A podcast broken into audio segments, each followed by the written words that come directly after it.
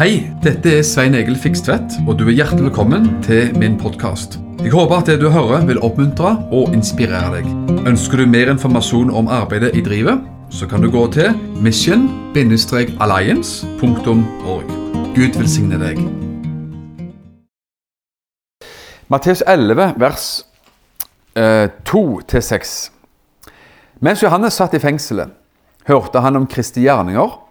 Derfor sendte han to av disiplene sine. De sa til ham, 'Er du den som skal komme, eller skal vi vente en annen?' Jesus svarte da og sa til dem, 'Gå og fortell Johannes hva dere hører og ser.' Blinde ser, og lammet går. Spedalsk blir renset, og døve hører. Døde blir vekket opp, og evangeliet blir forkynt for fattige. Og salig er den som ikke tar anstøt av meg. Herre, jeg bare ber om at de ord vi skal dele her i dag, skal virkelig berøre vårt liv og stikke dypt inn i oss, Herre. La ditt ord som et tveget sverd trenge inn i, ånd, sjel og kropp, Herre.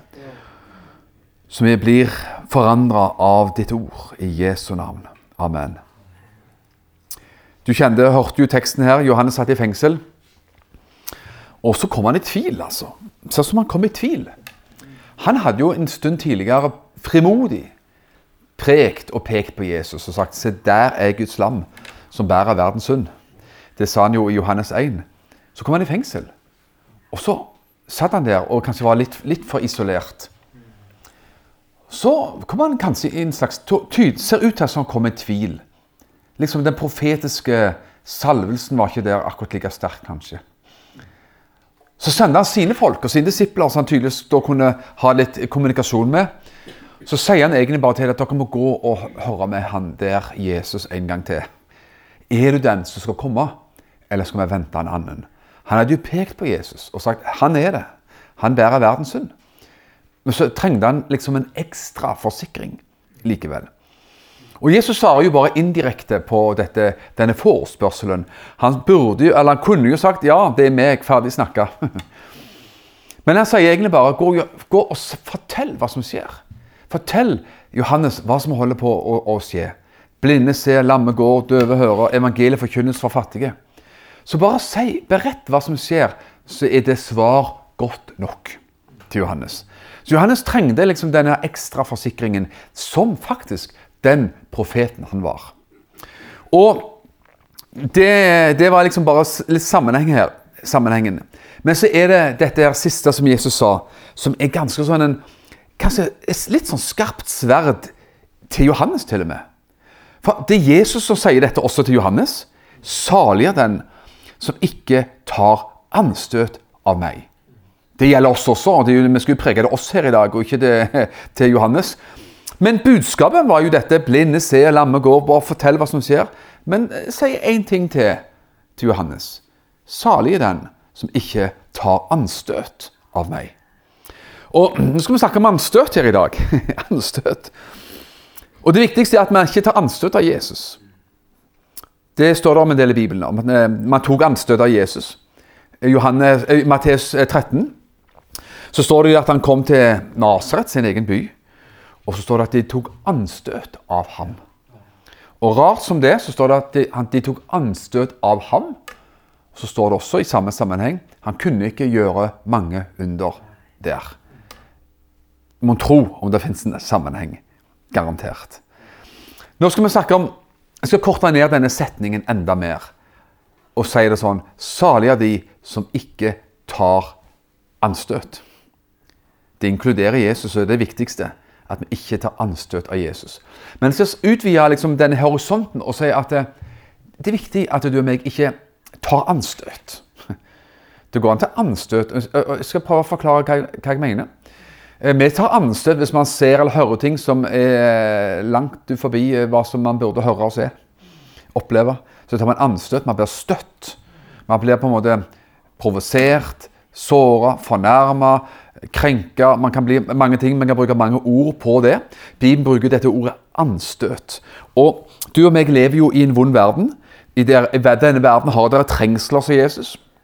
Vi vet at djevelen er denne verdens fyrste, så alle av oss skal ikke lese Det blir sagt også i en fin innledning her av noen at vi lever i en vond verden. Man følger med på nyhetene og skjønner jo at man lever i en gal verden til tider. altså. Og vonde og urettferdige ting skjer med enhver av oss. Jeg synes det er alltid gripende, og Man blir også grepen og ydmyk når man hører om menneskers erfaring i livet. Hvor mange som testes og prøves og opplever vonde ting. Tap eh, sorg av forskjellige ting, og vonde ting som skjer som helst ikke skulle ha skjedd. Så skjer det likevel.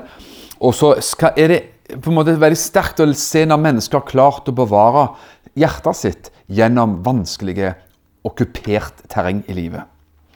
Og så lever vi nå i en tid, og det er jo det vet man, det er liksom bare trenden i tiden, at vi lever, i en tid der folk veldig lett blir støtt, blir fort fornærma, fort krenka. Man snakket mye om krenkehyster, krenkelseshysteri og alt mulig.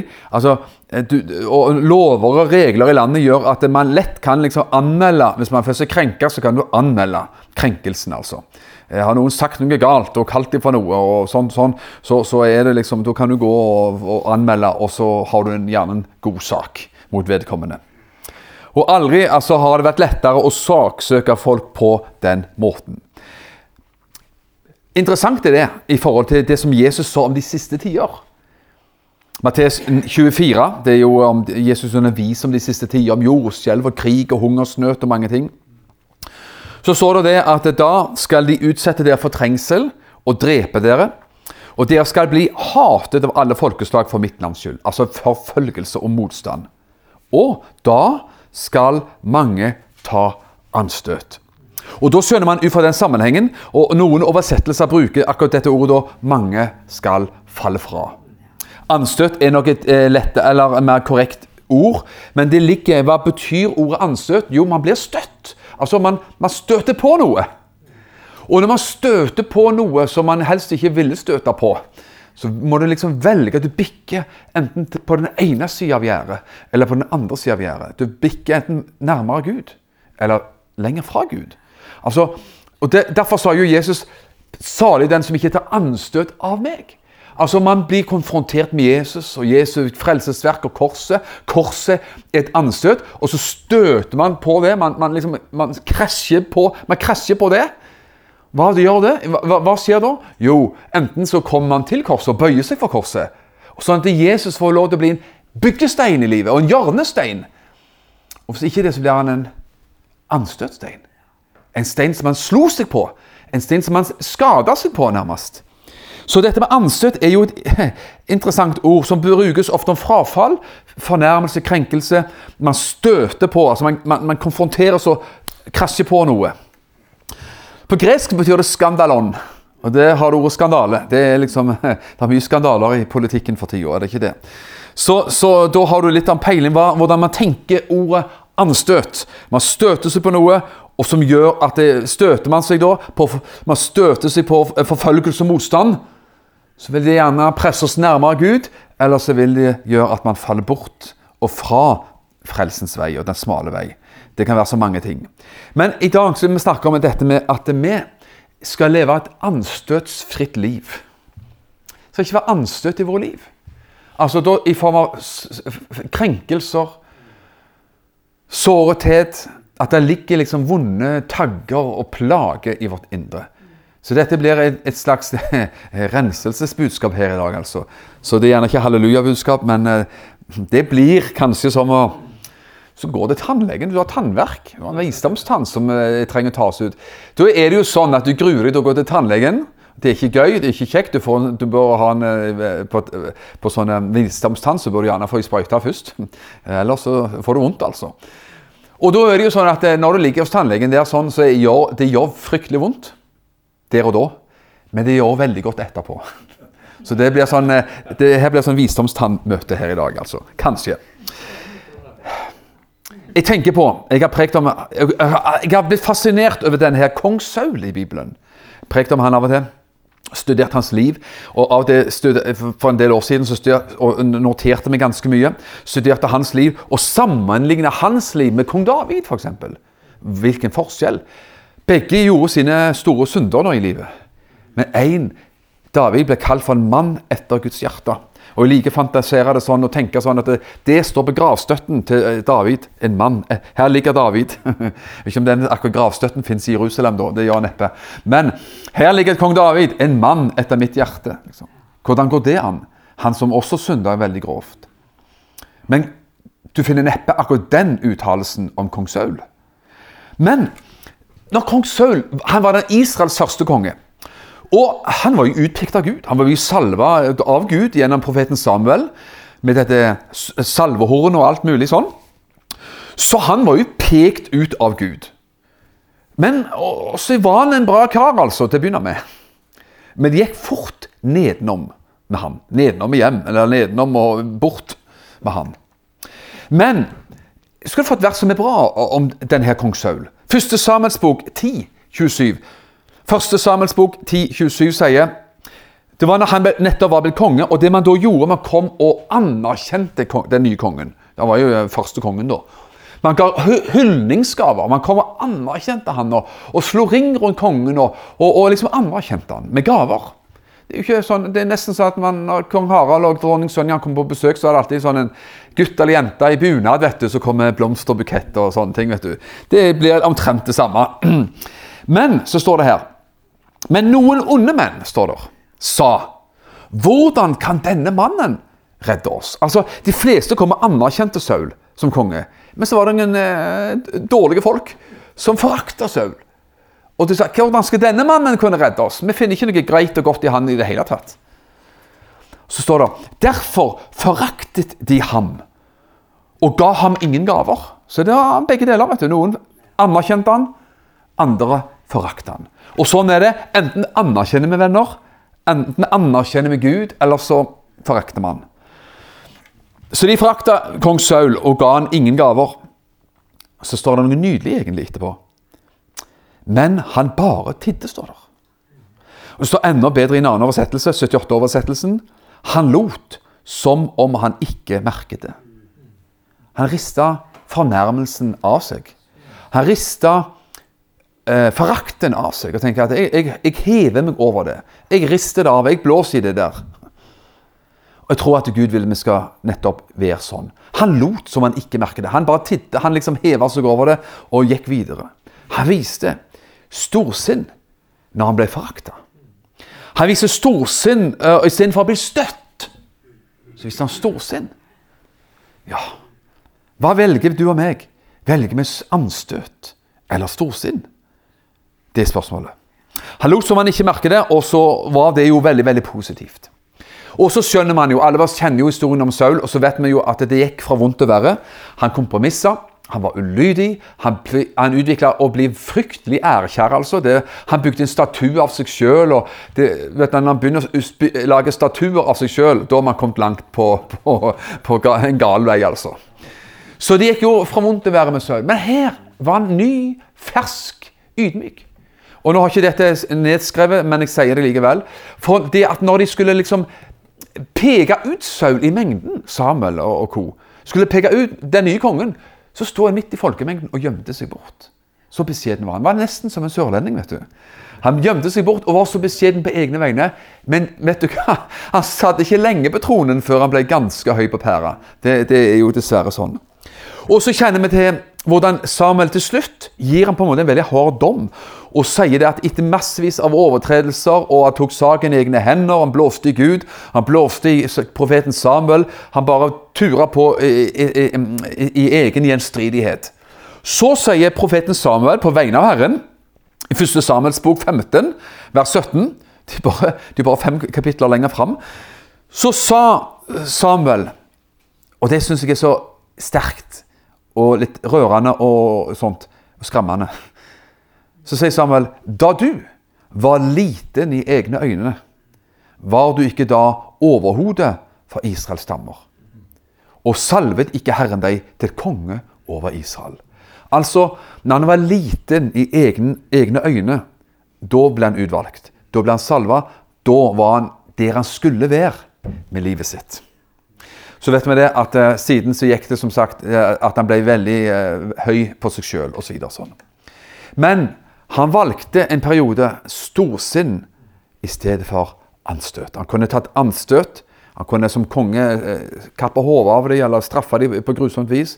Han lot som han ikke merker det.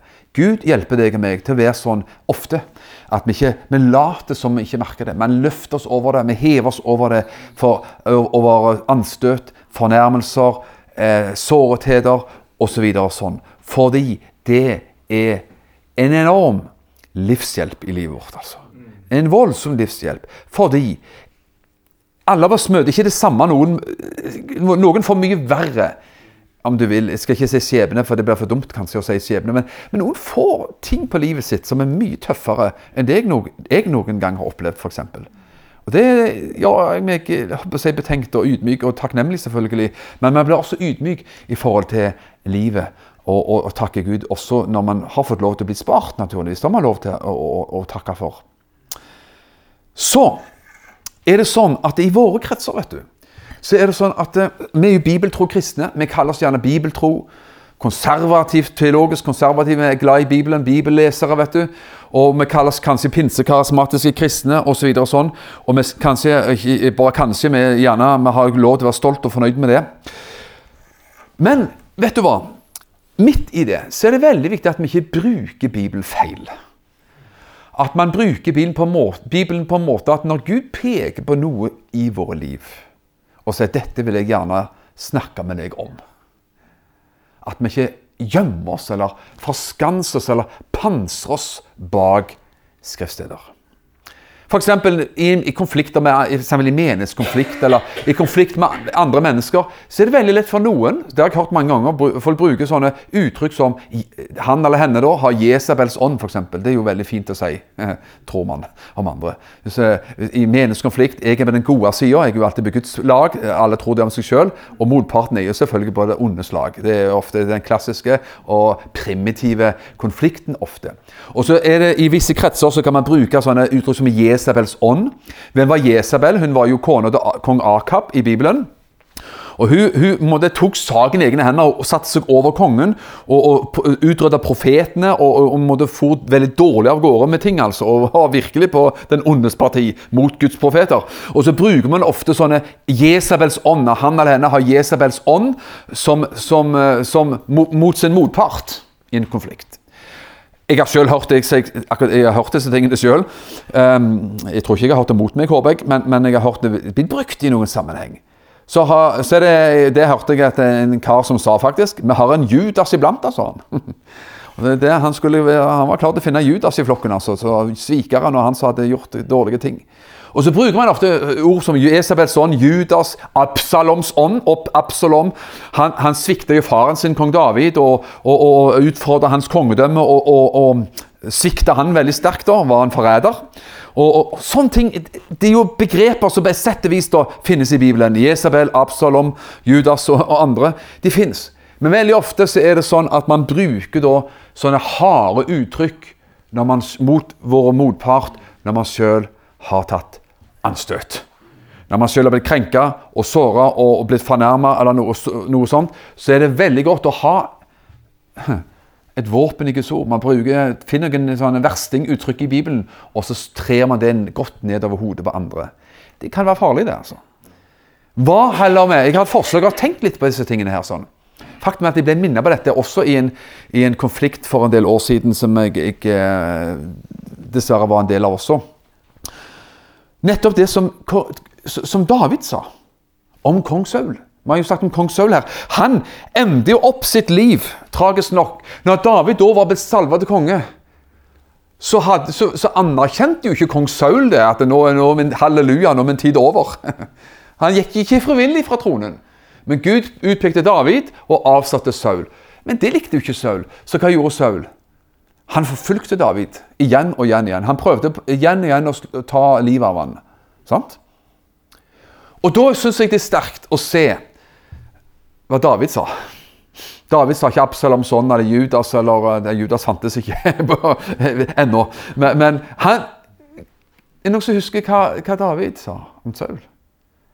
Herren salvede, sa han. Han hadde på mange måter mista salvelsen og var, var, en fallende stjerne. Og, og, og det ebba ut, kan du si. Men likevel, midt i måte, Saul sine krampetrekninger eh, som konge, altså. Så sier det midt i forfølgelsen, sier David Jeg, jeg har til og med skrevet det ned her. Jeg tror jeg fikk med meg alle skriftstedene. 1, 2, 3, 4, 5, 6, 7, 8 Kanskje det står ni Hvis jeg teller rett fort her nå, så har jeg funnet ni skriftsteder. Ni ganger som David kaller altså Saul, midt i forfølgelsen, Herren salvede.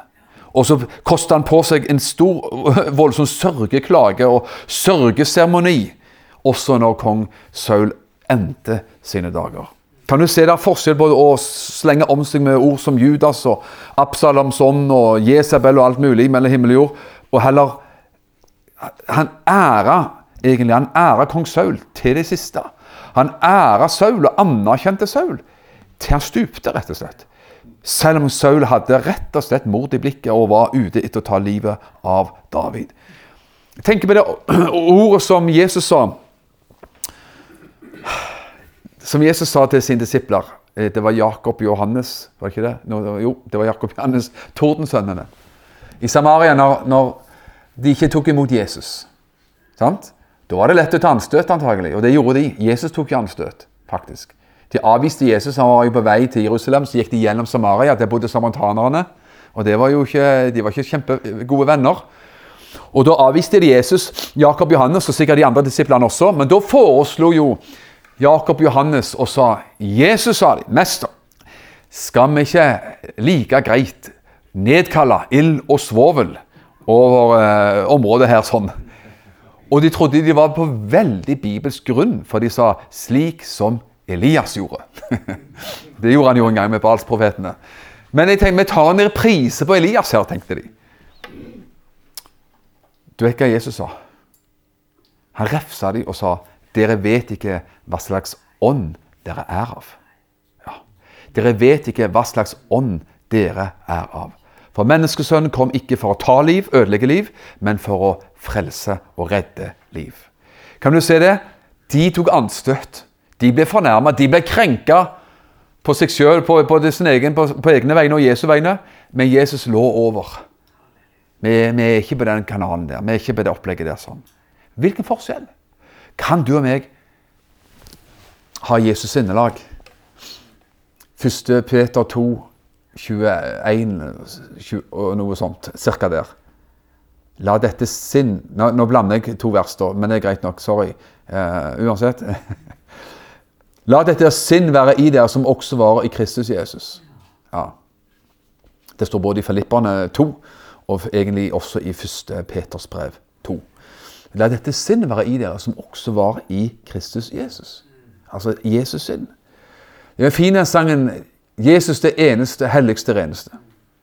Det står jo det Gi meg ditt rene og hellige sinn. Du er den eneste, helligste, reneste. Gi meg ditt rene og hellige sinn. Jeg tror jeg siterte det ganske rett. En fantastisk sang. Altså ha Jesus sinnelag i møte med anstøt. Ja, i møte med anstøt, så la oss være sånne, sånne mennesker. Eh, du vet at vi av og til sier når vi da Hvis Gud peker på ting i våre liv, så, kan vi til og med i vår kjekkeste ri så, Men herre ja, sky, oh, Men nesten sier jeg Nå drar jeg det litt langt. Gud peker på noe og pirker på. Er det bare jeg som føler at av og til Herren kan pirke på oss? Er det bare jeg som føler at Gud kan pirke på oss? Det står det Herren Herren eh, refser enhver sønn han tar seg av. Enhver sønn han har kjær. Så hvis vi ikke får refs av Gud, så ikke opplever Gud av og til eh, eh, liksom, dunker deg litt på skulderen eller her, så er du kjekta sønn. Så bare fikk du den. Så Gud peker på oss. sant? Gud pirker på oss. Hva gjør vi da? Da er det viktig at vi ikke, vi trenger ikke liksom forsvare oss overfor Gud og si Gud, hold deg borte. Jeg er en ny skapning, Kristus Jesus. Halleluja. Alt er nytt. jo, alt er nytt. Og sannelig er vi en ny skapning og Guds barn og, og har barnekår og alt mulig. Men det kan jo hende at det er nettopp fordi man har barnekår, at Gud gidder å bry seg med å stelle med oss og fiffe på oss av og til og peke på oss. Vingårdsmannen renser greinene, beskjærer greinene for at vi skal bære mer frukt. De greinene som bærer frukt, renses. De greinene som ikke bærer frukt, kapper han av.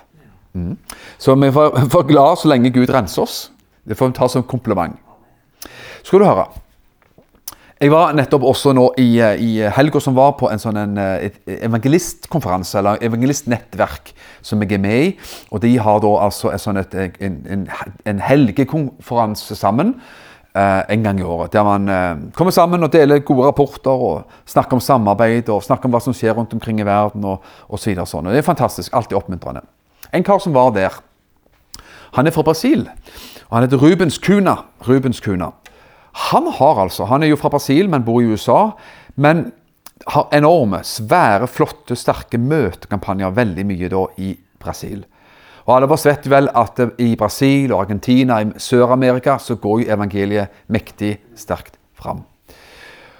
Og, og jeg har sett filmopptak fra, fra, det de står i, og det er veldig svære møter. Og de har enorme, svære team som drar ut på skolen i en by. De liksom tar en by om gangen på en måte i en del dager med kveldsmøter, korstog, møtekampanje. Og på dagtid så er man inne på skoler og ber for unge barn eller ungdom. Og, og, og kjører liksom massivt ut med utdeling av mat og mange, mange ting. Svære saker og flotte saker. Han sa, hadde seminar om dette med å og, og drive demoner. Og så sa han noe som slo meg. Han sa nummer én grunn til at folk er plaga av demoner, er dette. Det er hat, det er utilgivelighet, det er sinne og raseri og sånne ting. Og nå skal jeg forklare det, så ingen kommer i stor anfektelse her. Fordi jeg, jeg mistenker ingen av oss at vi ligger under demonisk innflytelse, nummer én. Nummer to så er dette at alle av oss møter i en vond verden med forskjellige mennesker, så møter vi mange gode grunner til anstøt.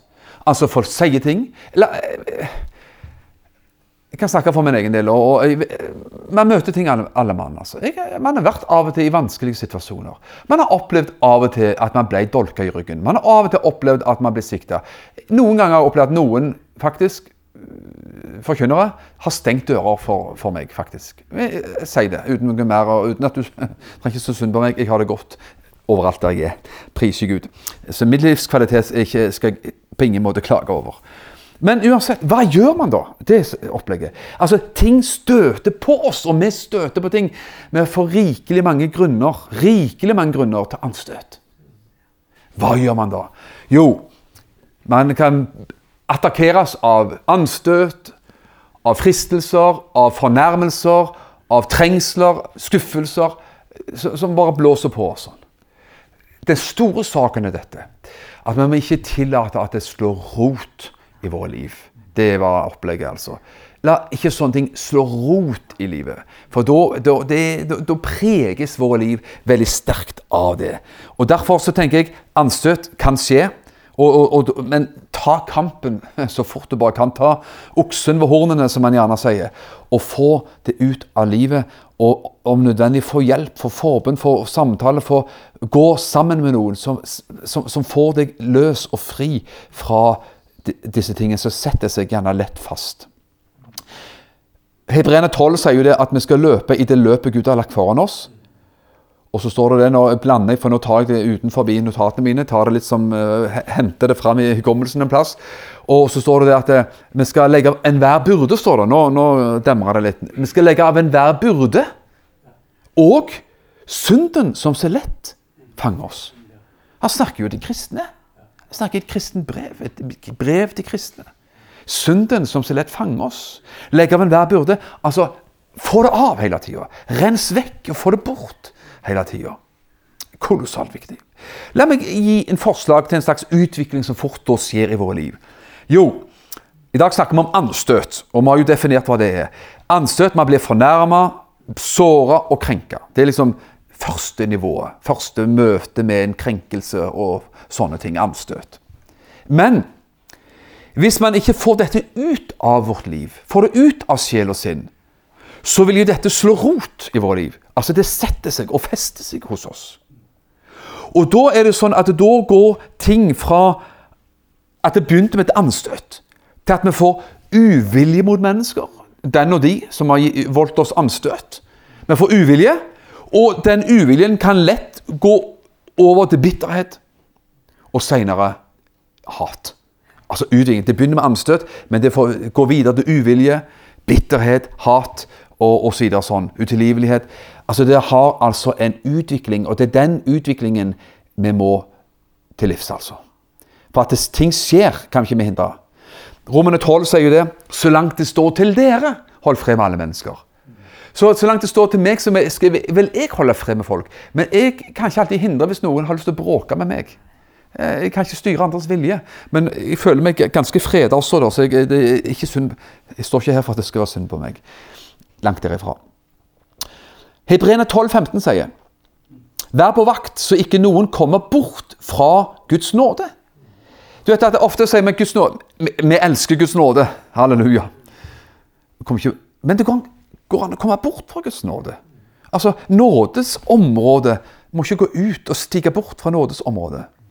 Og så står det For at ikke noen bitterhetens rot skal vokse opp og gjøre skade, står det. Så mange blir smittet av den. Altså la ingen bitterhetens rot vokse opp i våre liv. La meg bare ta deg bitte litt videre med i denne her, utviklingen her sånn. Vi hopper rett inn i Jakob 1, 14, og bare liksom tar et par vers på det.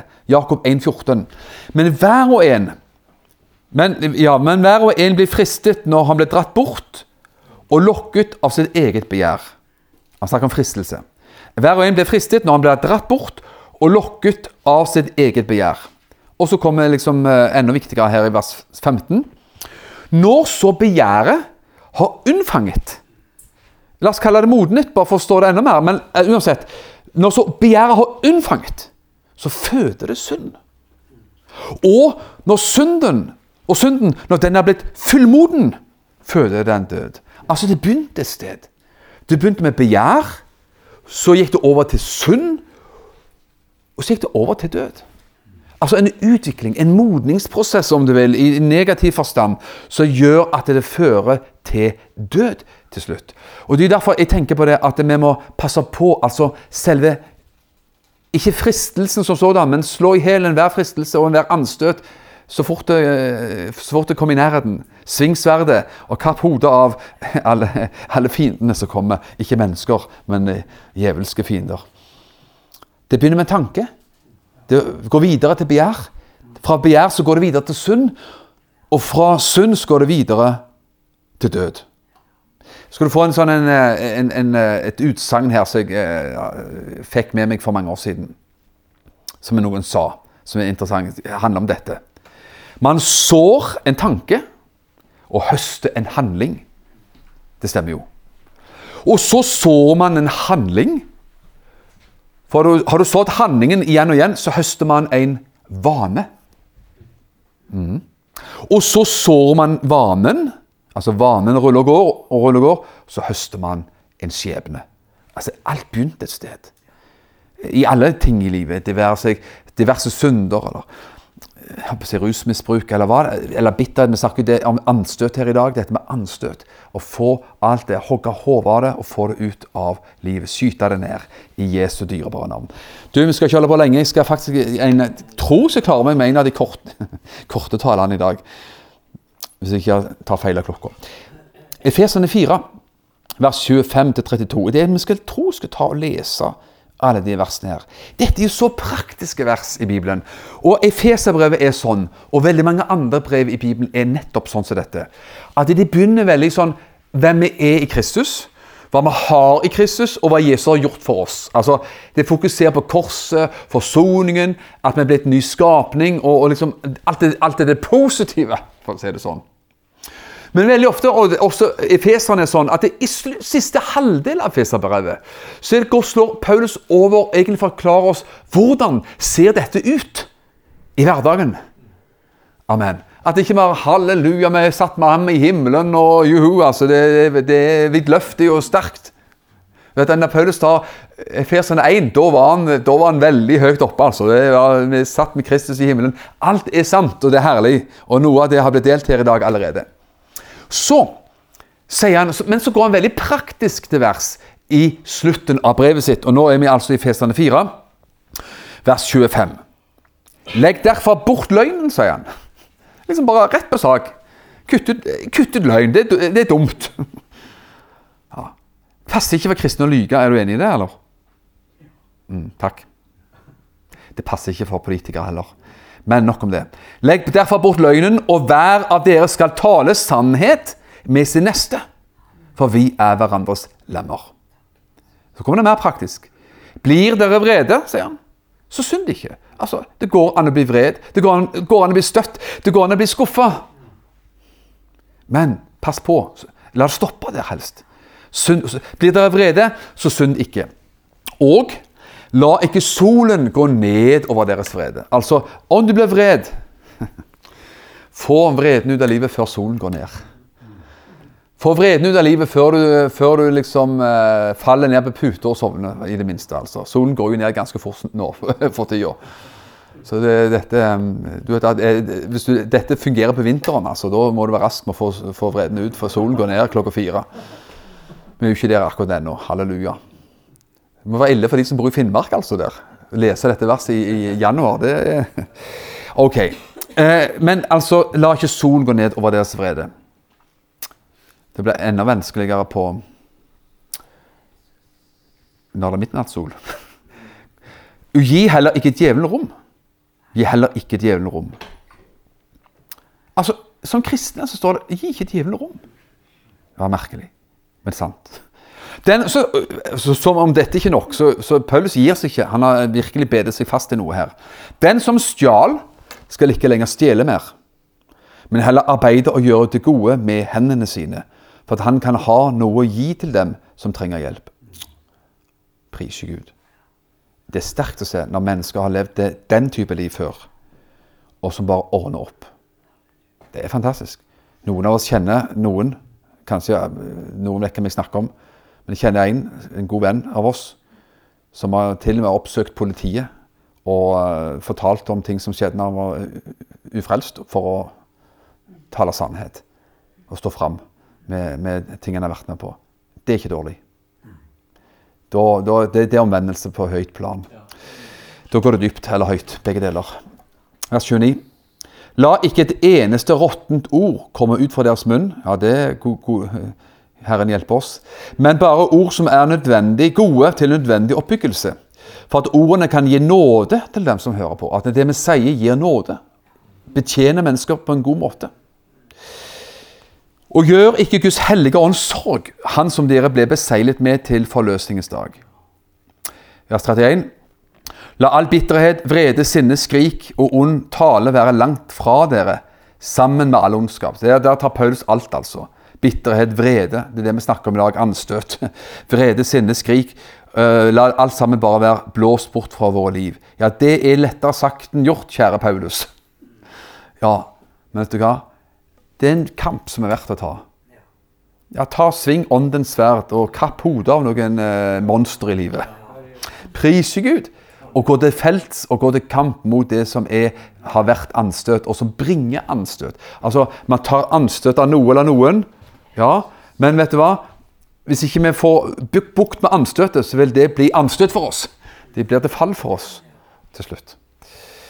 Vær gode mot hverandre og vær barmhjertige og tilgi hverandre, slik Gud har tilgitt dere i Kristus. Ja, gode Gud, jeg skal gjerne bare lande med ett vers, mine venner. Jeg tror det. Galaterne 5,1. Og det oppsummerer, tror jeg.